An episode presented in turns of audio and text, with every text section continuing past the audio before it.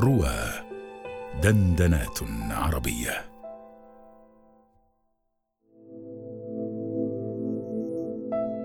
الصدمة إلى ندبات الروح التي ما زالت ناتئة من أثر الصدمات بالواقع والحياة من أثر السقوط من خيالات العقل المعقودة وآمال القلب المغزولة. العاشر من يونيو عام 2009 خطوه يأخذ في التسارع كلما اقترب من ذلك المبنى. تتلوى قدماه وهو يلتفت برهة للبوابة التي دخل لتوه منها ويتمتم حامدا أن لم يسأله أحد عن هويته الجامعية. يبدو أن استنتاجه كان صحيحا. يبدو أنه بالفعل لم ينقطع تردده على هذا المكان بعد. وجهه هنا ما زال مالوفا. وجوههم أيضا هؤلاء الذين يقفون في بوابة المبنى لم يتغير إلا واحد أو اثنان. تلتهم قدماه الدرج بقوة يصعد دورا واثنين وثلاثة بالقوة نفسها يلهث عند آخر درجة يمرر عينيه على أبواب تلك الردهة. لابد أنه قد التحق بهذا القسم. ينظر في ساعته المكسور زجاجها. عشر دقائق تبقت على الموعد. يلمح مقعدا في طرف المكان. يلقي بجسده المرهق عليه. يلتقط أنفاسه. تدور عيناه في المكان دورة كاملة قبل أن يغلقهما تماما. يضغط بأجفانه أكثر. يحاول أن يهدأ. ليراجع الساعات الغريبة التي مرت به منذ الصباح. يجفف بمنديله قطرات العرق الخفيفة التي انتثرت على جانبي جبهته من أثر العدو. يرتبك عندما يرى أثر الدماء التي على المنديل. يخفيه فورا في جيبه. تلمس أنامله الورقة التي بسببها هو الآن في هذا المكان. يرفعها أمام عينيه. يحاول استنطاقها. يتذكر جيدا أنها مقطوعة من مفكرته الأثيرة. ذلك التاريخ المطبوع عليها. وهذا الكلام المكتوب فيها لا يتذكر متى كتبه. العاشر من يونيو عام 2008 هذا هو التاريخ المطبوع.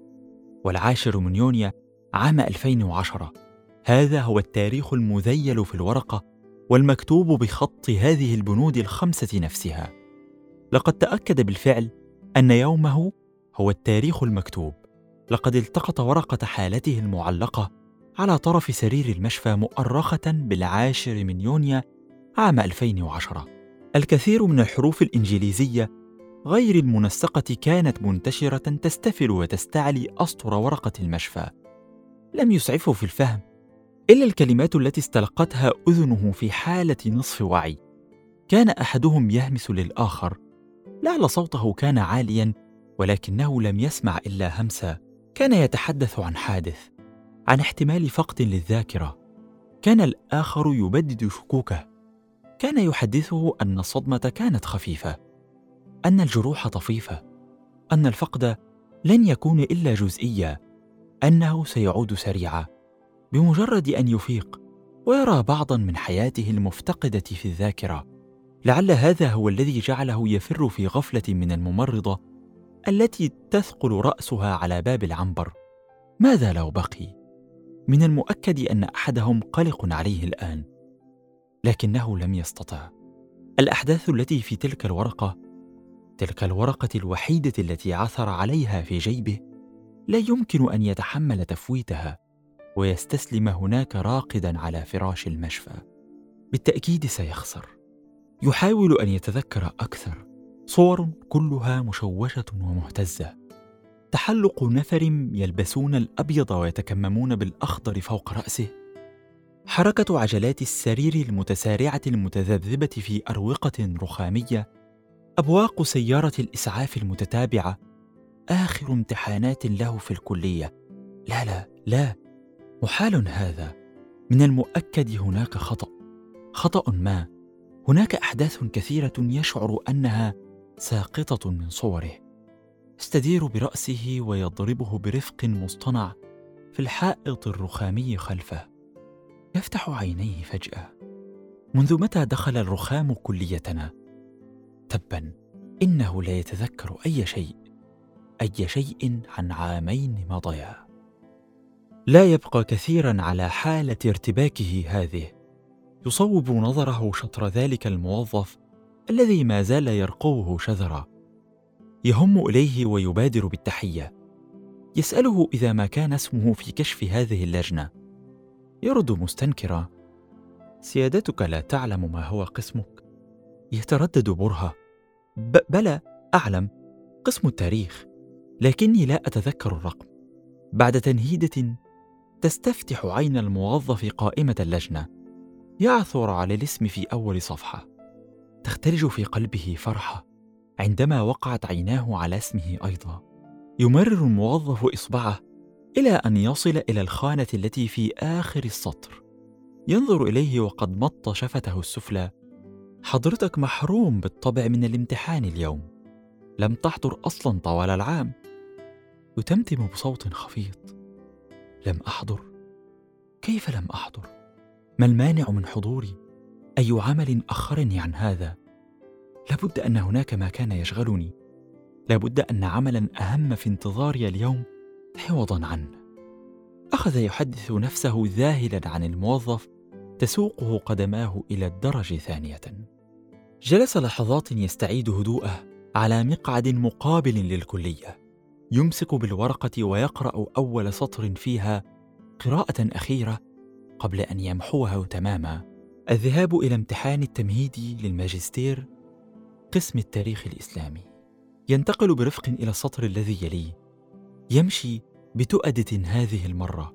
يتذكر أول مرة صعد فيها هذا المبنى المقابل لكليته وذلك الدور العلوي الذي كانت تعلو مكاتبه التراب. كيف كان أول اجتماع به مع أول فريق عمل؟ خمسة كانوا وهو سادسهم. لم تمض إلا أشهر حتى جاوزوا المئة. يا الله ترى كم وصلنا الآن؟ وترى أي الفروع فتحت؟ وترى من الآن يخلفني في منصبي. وترى أي مفاجأة تلك التي من المفترض أن أخبئها لهم اليوم. شيء من السرور أخذ ينمو بنفسه كلما اقترب من باب مكتبه. سرور يعرف مذاقه من كل عمل تطوعي يقوم به ويشعر أنه بالفعل رصيد مباشر يضاف لأمته. أخيرا تضغط يده على مقبض الباب يفتح برفق ويدفع بلين. لا يدور المقبض ولا يستجيب لسانه. يبدو أنه مغلق. يتوجه للمكتب الذي بجواره. شخص لا يتذكره يجلس هنا. يبادر. أجديد هنا؟ ينظر الشاب إليه وقد عقد حاجبيه. يعني من سنة تقريبا. مين حضرتك؟ يدور السؤال في ذهني بسرعة البرق. إنه لا يعرفني. هنا من سنة. لم آت لمكتبي هنا منذ عام. يا الله ترى يقاطع الشاب بنبرة أعلى مين حضرتك. يتلعثم. لا آه أنا فقط كنت أسأل عن مجموعة شباب. نعم شباب يقومون بنشاط ما هنا. نشاط اسمه أبجد. تعرفهم؟ سمعت عنهم؟ يأخذ الشاب في القهقهة. لقد رحلوا منذ زمن طويل. رحلوا؟ كيف؟ لماذا؟ يتابع الشاب في تلقائية مستنتجة. آه أنت إذا من الأعضاء الذين نسوا أشياء لهم هنا ويأتون كل يوم والآخر كي يسألوا عنها ويصدعونا نحن. حسن يا سيدي تعال ورائي. وبحركة ميكانيكية أخذ العامل يعبث بعدد من المفاتيح أخرجها من جيبه ويتوجه بتلقائية إلى باب في آخر الردهه ويفتحه بشيء من الدفع والتدافع من عشرات الأوراق التي بدت متكدسة خلفه. ونادى نحوي تفضل خذ ما تريده وارحل. لا يكاد يصدق ما رأى. لا يكاد يصدق أن الرجل الذي افتتح نموذجه عندما كان رئيسا لمركز في الكلية هو هو الذي أغلقه عندما أصبح عميدا لها. لا يصدق ما قاله ذلك العامل. لا يصدق أن ما أنفقه في أكثر من عامين راح أدراج الرياح تكدس أكواما فوق أكوام كالأطلال في حجرة ضيقة. لا يصدق أنه سيخرج الورقة من جيبه ويمحو السطر الثاني. لا يصدق أن زيارة لمكتبه في نموذج مجمع اللغة العربية وتقديم هدية. لمن يكملون مسيرته التي أذهلت الكلية يوما ما حين بدأها؟ باتت في عداد الأمنيات المستحيلة. لا يصدق أن عليه التوجه إلى السطر الثالث. بكل أمل وكل خوف بألف رجاء يجر قدميه اليائستين إلى الحديقة المسماة في جدوله المزعوم اليوم. ينتظر لقاءه القادم. الطريق من الجامعة إلى حديقته تلك المطلة على النيل ليس طويلا والموعد الذي كتبه قبل عامين هنا في الورقة ليس قريبا. آثر أن يقطع المسافة ماشيا على نسمات نيلية تلفح ذاكرته فتعيد لها ما سلبه حادثه ذاك. لكن النسمات بدلا من أن تسترد شيئا من عقله أخذت ترسل اشياء من مآقيه التي تترقرق في عينه ولا تنزل منذ الصباح. رباه لو كان لي أن أنسى أنني تركت الماجستير وأن مشروعي قد توقف رغما عني فلا يجب أن يسقط من ذاكرتي أبدا موعدي القادم. تتسابق الدمعات عندما يخطر في باله أن ماذا لو لم يكن الموعد ساقطا؟ ماذا لو لم يكن موجودا من الأساس؟ تكاد أنفاسه تقف على حافة سؤال قدماه تغوص في عرض الممشى أيمن كبر الجامعة في حركة جنونية اندفع بجسده كله كالرصاصة. يطوي ما تبقى من الطريق عله يستبق قدرا ليس يسبقه.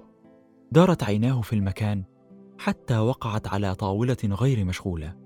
قصدها مضطرب الخطو جلس ضاما رجليه ويداه مقبوضتان عند ركبتيه وعيناه صوب المشهد النيلي الذي راح التماع مائه تحت وهج الشمس يعكس ويتلألأ في عينيه فيزيد من ترقرق مائهما.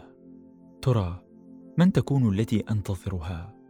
حدق في وجه النادل الذي أتى ليسأله عن طلبه وكاد ينطق بسؤاله لكنه ابتلع ريقه نظر على الطاولة أمسك بالقائمة أخذ يحدث نفسه. ترى أي المشروبات تفضلها؟ هل تحب الجوافة مثلي؟ أم ترانا لا نطلب سوى الليمون ونوفر أي مليم لعصائر البيت الطازجة؟ رد النادله إني أنتظر أحدهم. سأطلب عندما يأتي. تململ منه وأشاح عنه بوجه عابس. لا يريد سوى واحدة. ترى أعيناها كما كان يحلو أن يلونها بخضرة الحقول وزرقة السماء والبحر؟ أم بدكنة الغسق وحمرة الغروب؟ أم بسواد الليل وغمقة العنبر؟ تراها خمرية كمعتوق النبيذ؟ أم شقراء كوهج الشمس؟ تراها تقارعه بقلمها؟ ام تباريه بصوتها تشعر به الآن تعرف ما حدث له منذ الصباح. ترى يعرفها لو أتت. ضاق ذرعا بخيالاته وضاق بمقعده. انتصب عوده النحيف وراح يضرب الأرض بخطوات غادية ورائحة. يحدق في وجوه الخلق. يخيل إليه كل غادية أنها مقبلة عليه. ترى هل تكون تلك؟ أخذ اليأس يتملكه. ينظر إلى ساعته المكسور زجاجها. مرت ساعة. ياه كيف نسي ذلك؟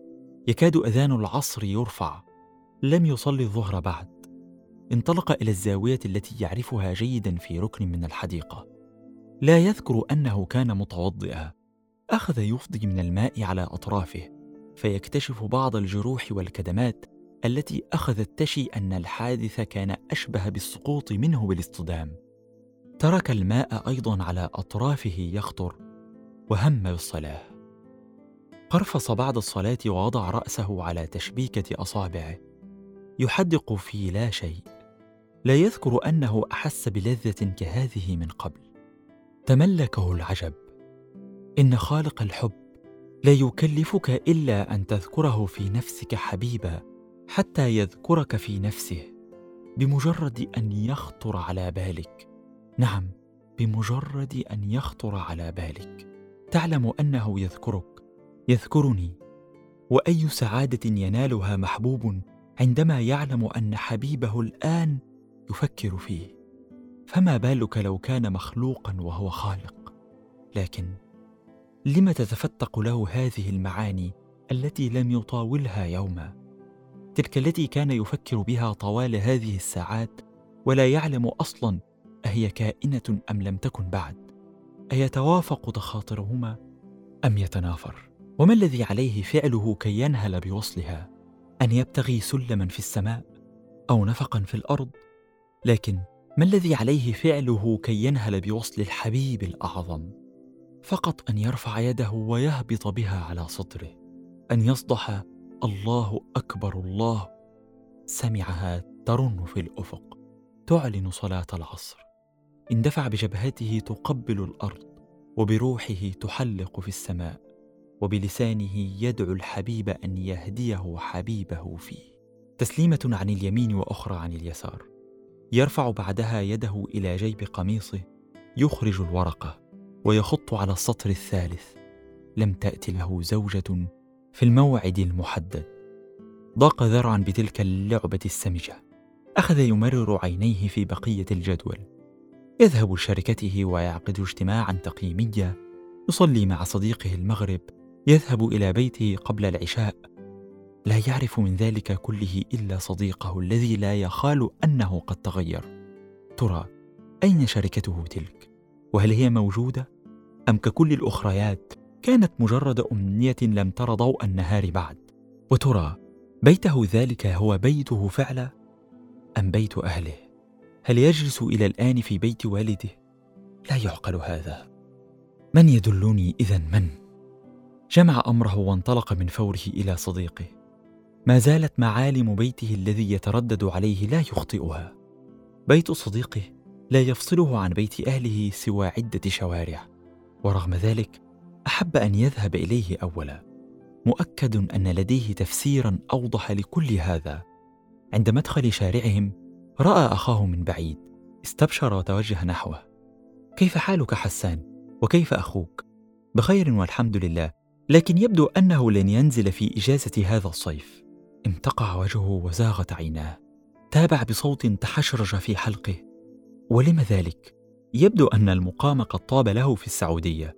ضحك الفتى ثم ودعه ومضى بعيدا. تسمر في مكانه لكن دهشته لم تلبث طويلا. مما يدهش ولما يدهش من أول يوم عرف فيه حاتم وهو لا يكف عن حديث السفر ودروب الهجرة.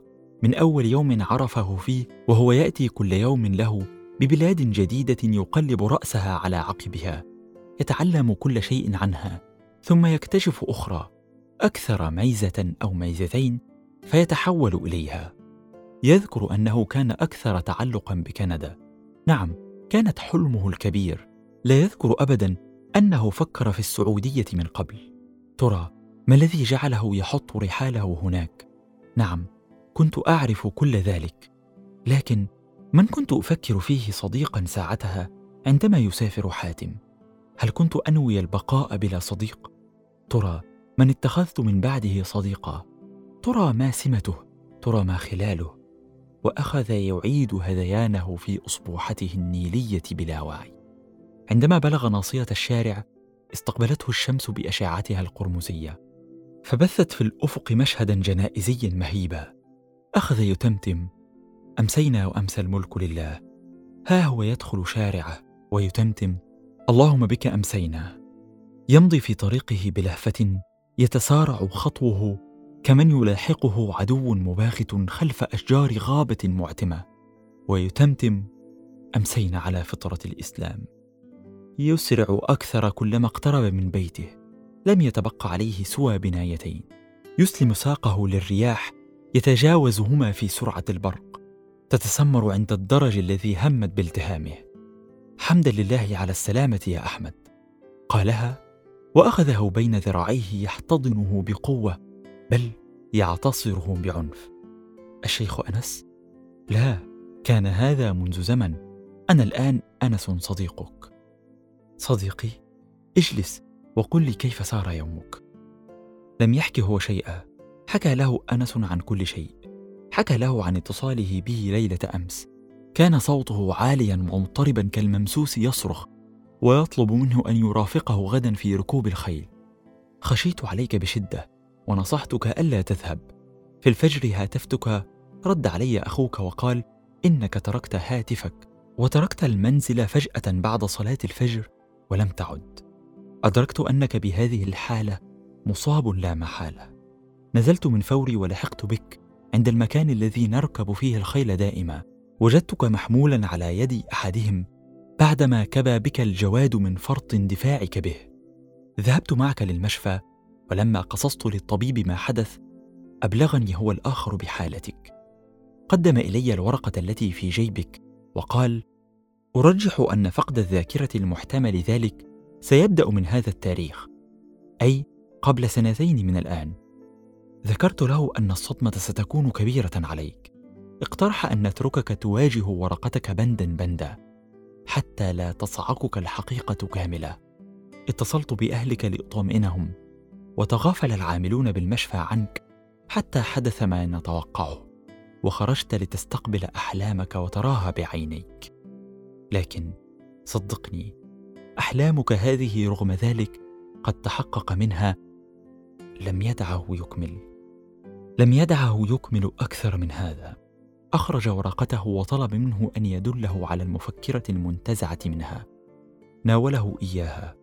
قبض عليها بيديه المرتعشتين وخطى بقدميه الثقيلتين درج المنزل. مودعا إياه. شكرا صديقي. دخل البيت. استقبلته الأحضان الحارة والأعين الدامعة. انسل من وسطهم أغلق باب حجرته خلفه. تكوم جسده خلف الباب ومفكرته مضمومة إلى صدره. فتحها برفق وأخذ يقلبها صفحة صفحة ويتذكر أيامه الضائعة يوما يوما. يأسف لسفر صديقه يبرق لاجتماع قلبين يحبهما في الله يرعد لفترة اعتقال مرت به. يشهق لرحلة قصيرة إلى غزة يصل إلى صفحة الأمس يلتئم الماضي بالحاضر. آخر مشهد مفقود. ها هو يلتقطه. ها هو يرى نفسه على ذلك الجواد الأبيض في الصباح يعلو به ويهبط ينطلق به كالريح المرسلة. ها هو يتذكر خلجات نفسه ويكاد يلمس وجهه المذعور رغم كل شيء. كأنه كان يستعد للكبوة. ها هو يشعر برأسه يرتطم بالأرض وتظلم الدنيا. يهب واقفا. يستوي بجسده على المكتب. يمسك بصفحة اليوم. يمتشق القلم ويسطر. ينتهي سريعا ويعلقها على الحائط مرة أخرى. يعاود القراءة بصوت هامس خفيض العاشر من يونيو عام 2012 أذهب لامتحان الماجستير. أتابع عمل أبجد. أقابل زوجتي في الحديقة النيلية. أتوجه لمكتبي في مؤسسة الفراقد للإنتاج الإعلامي. أحجز تذكرتين لقضاء عطلة الصيف مع حاتم في كندا.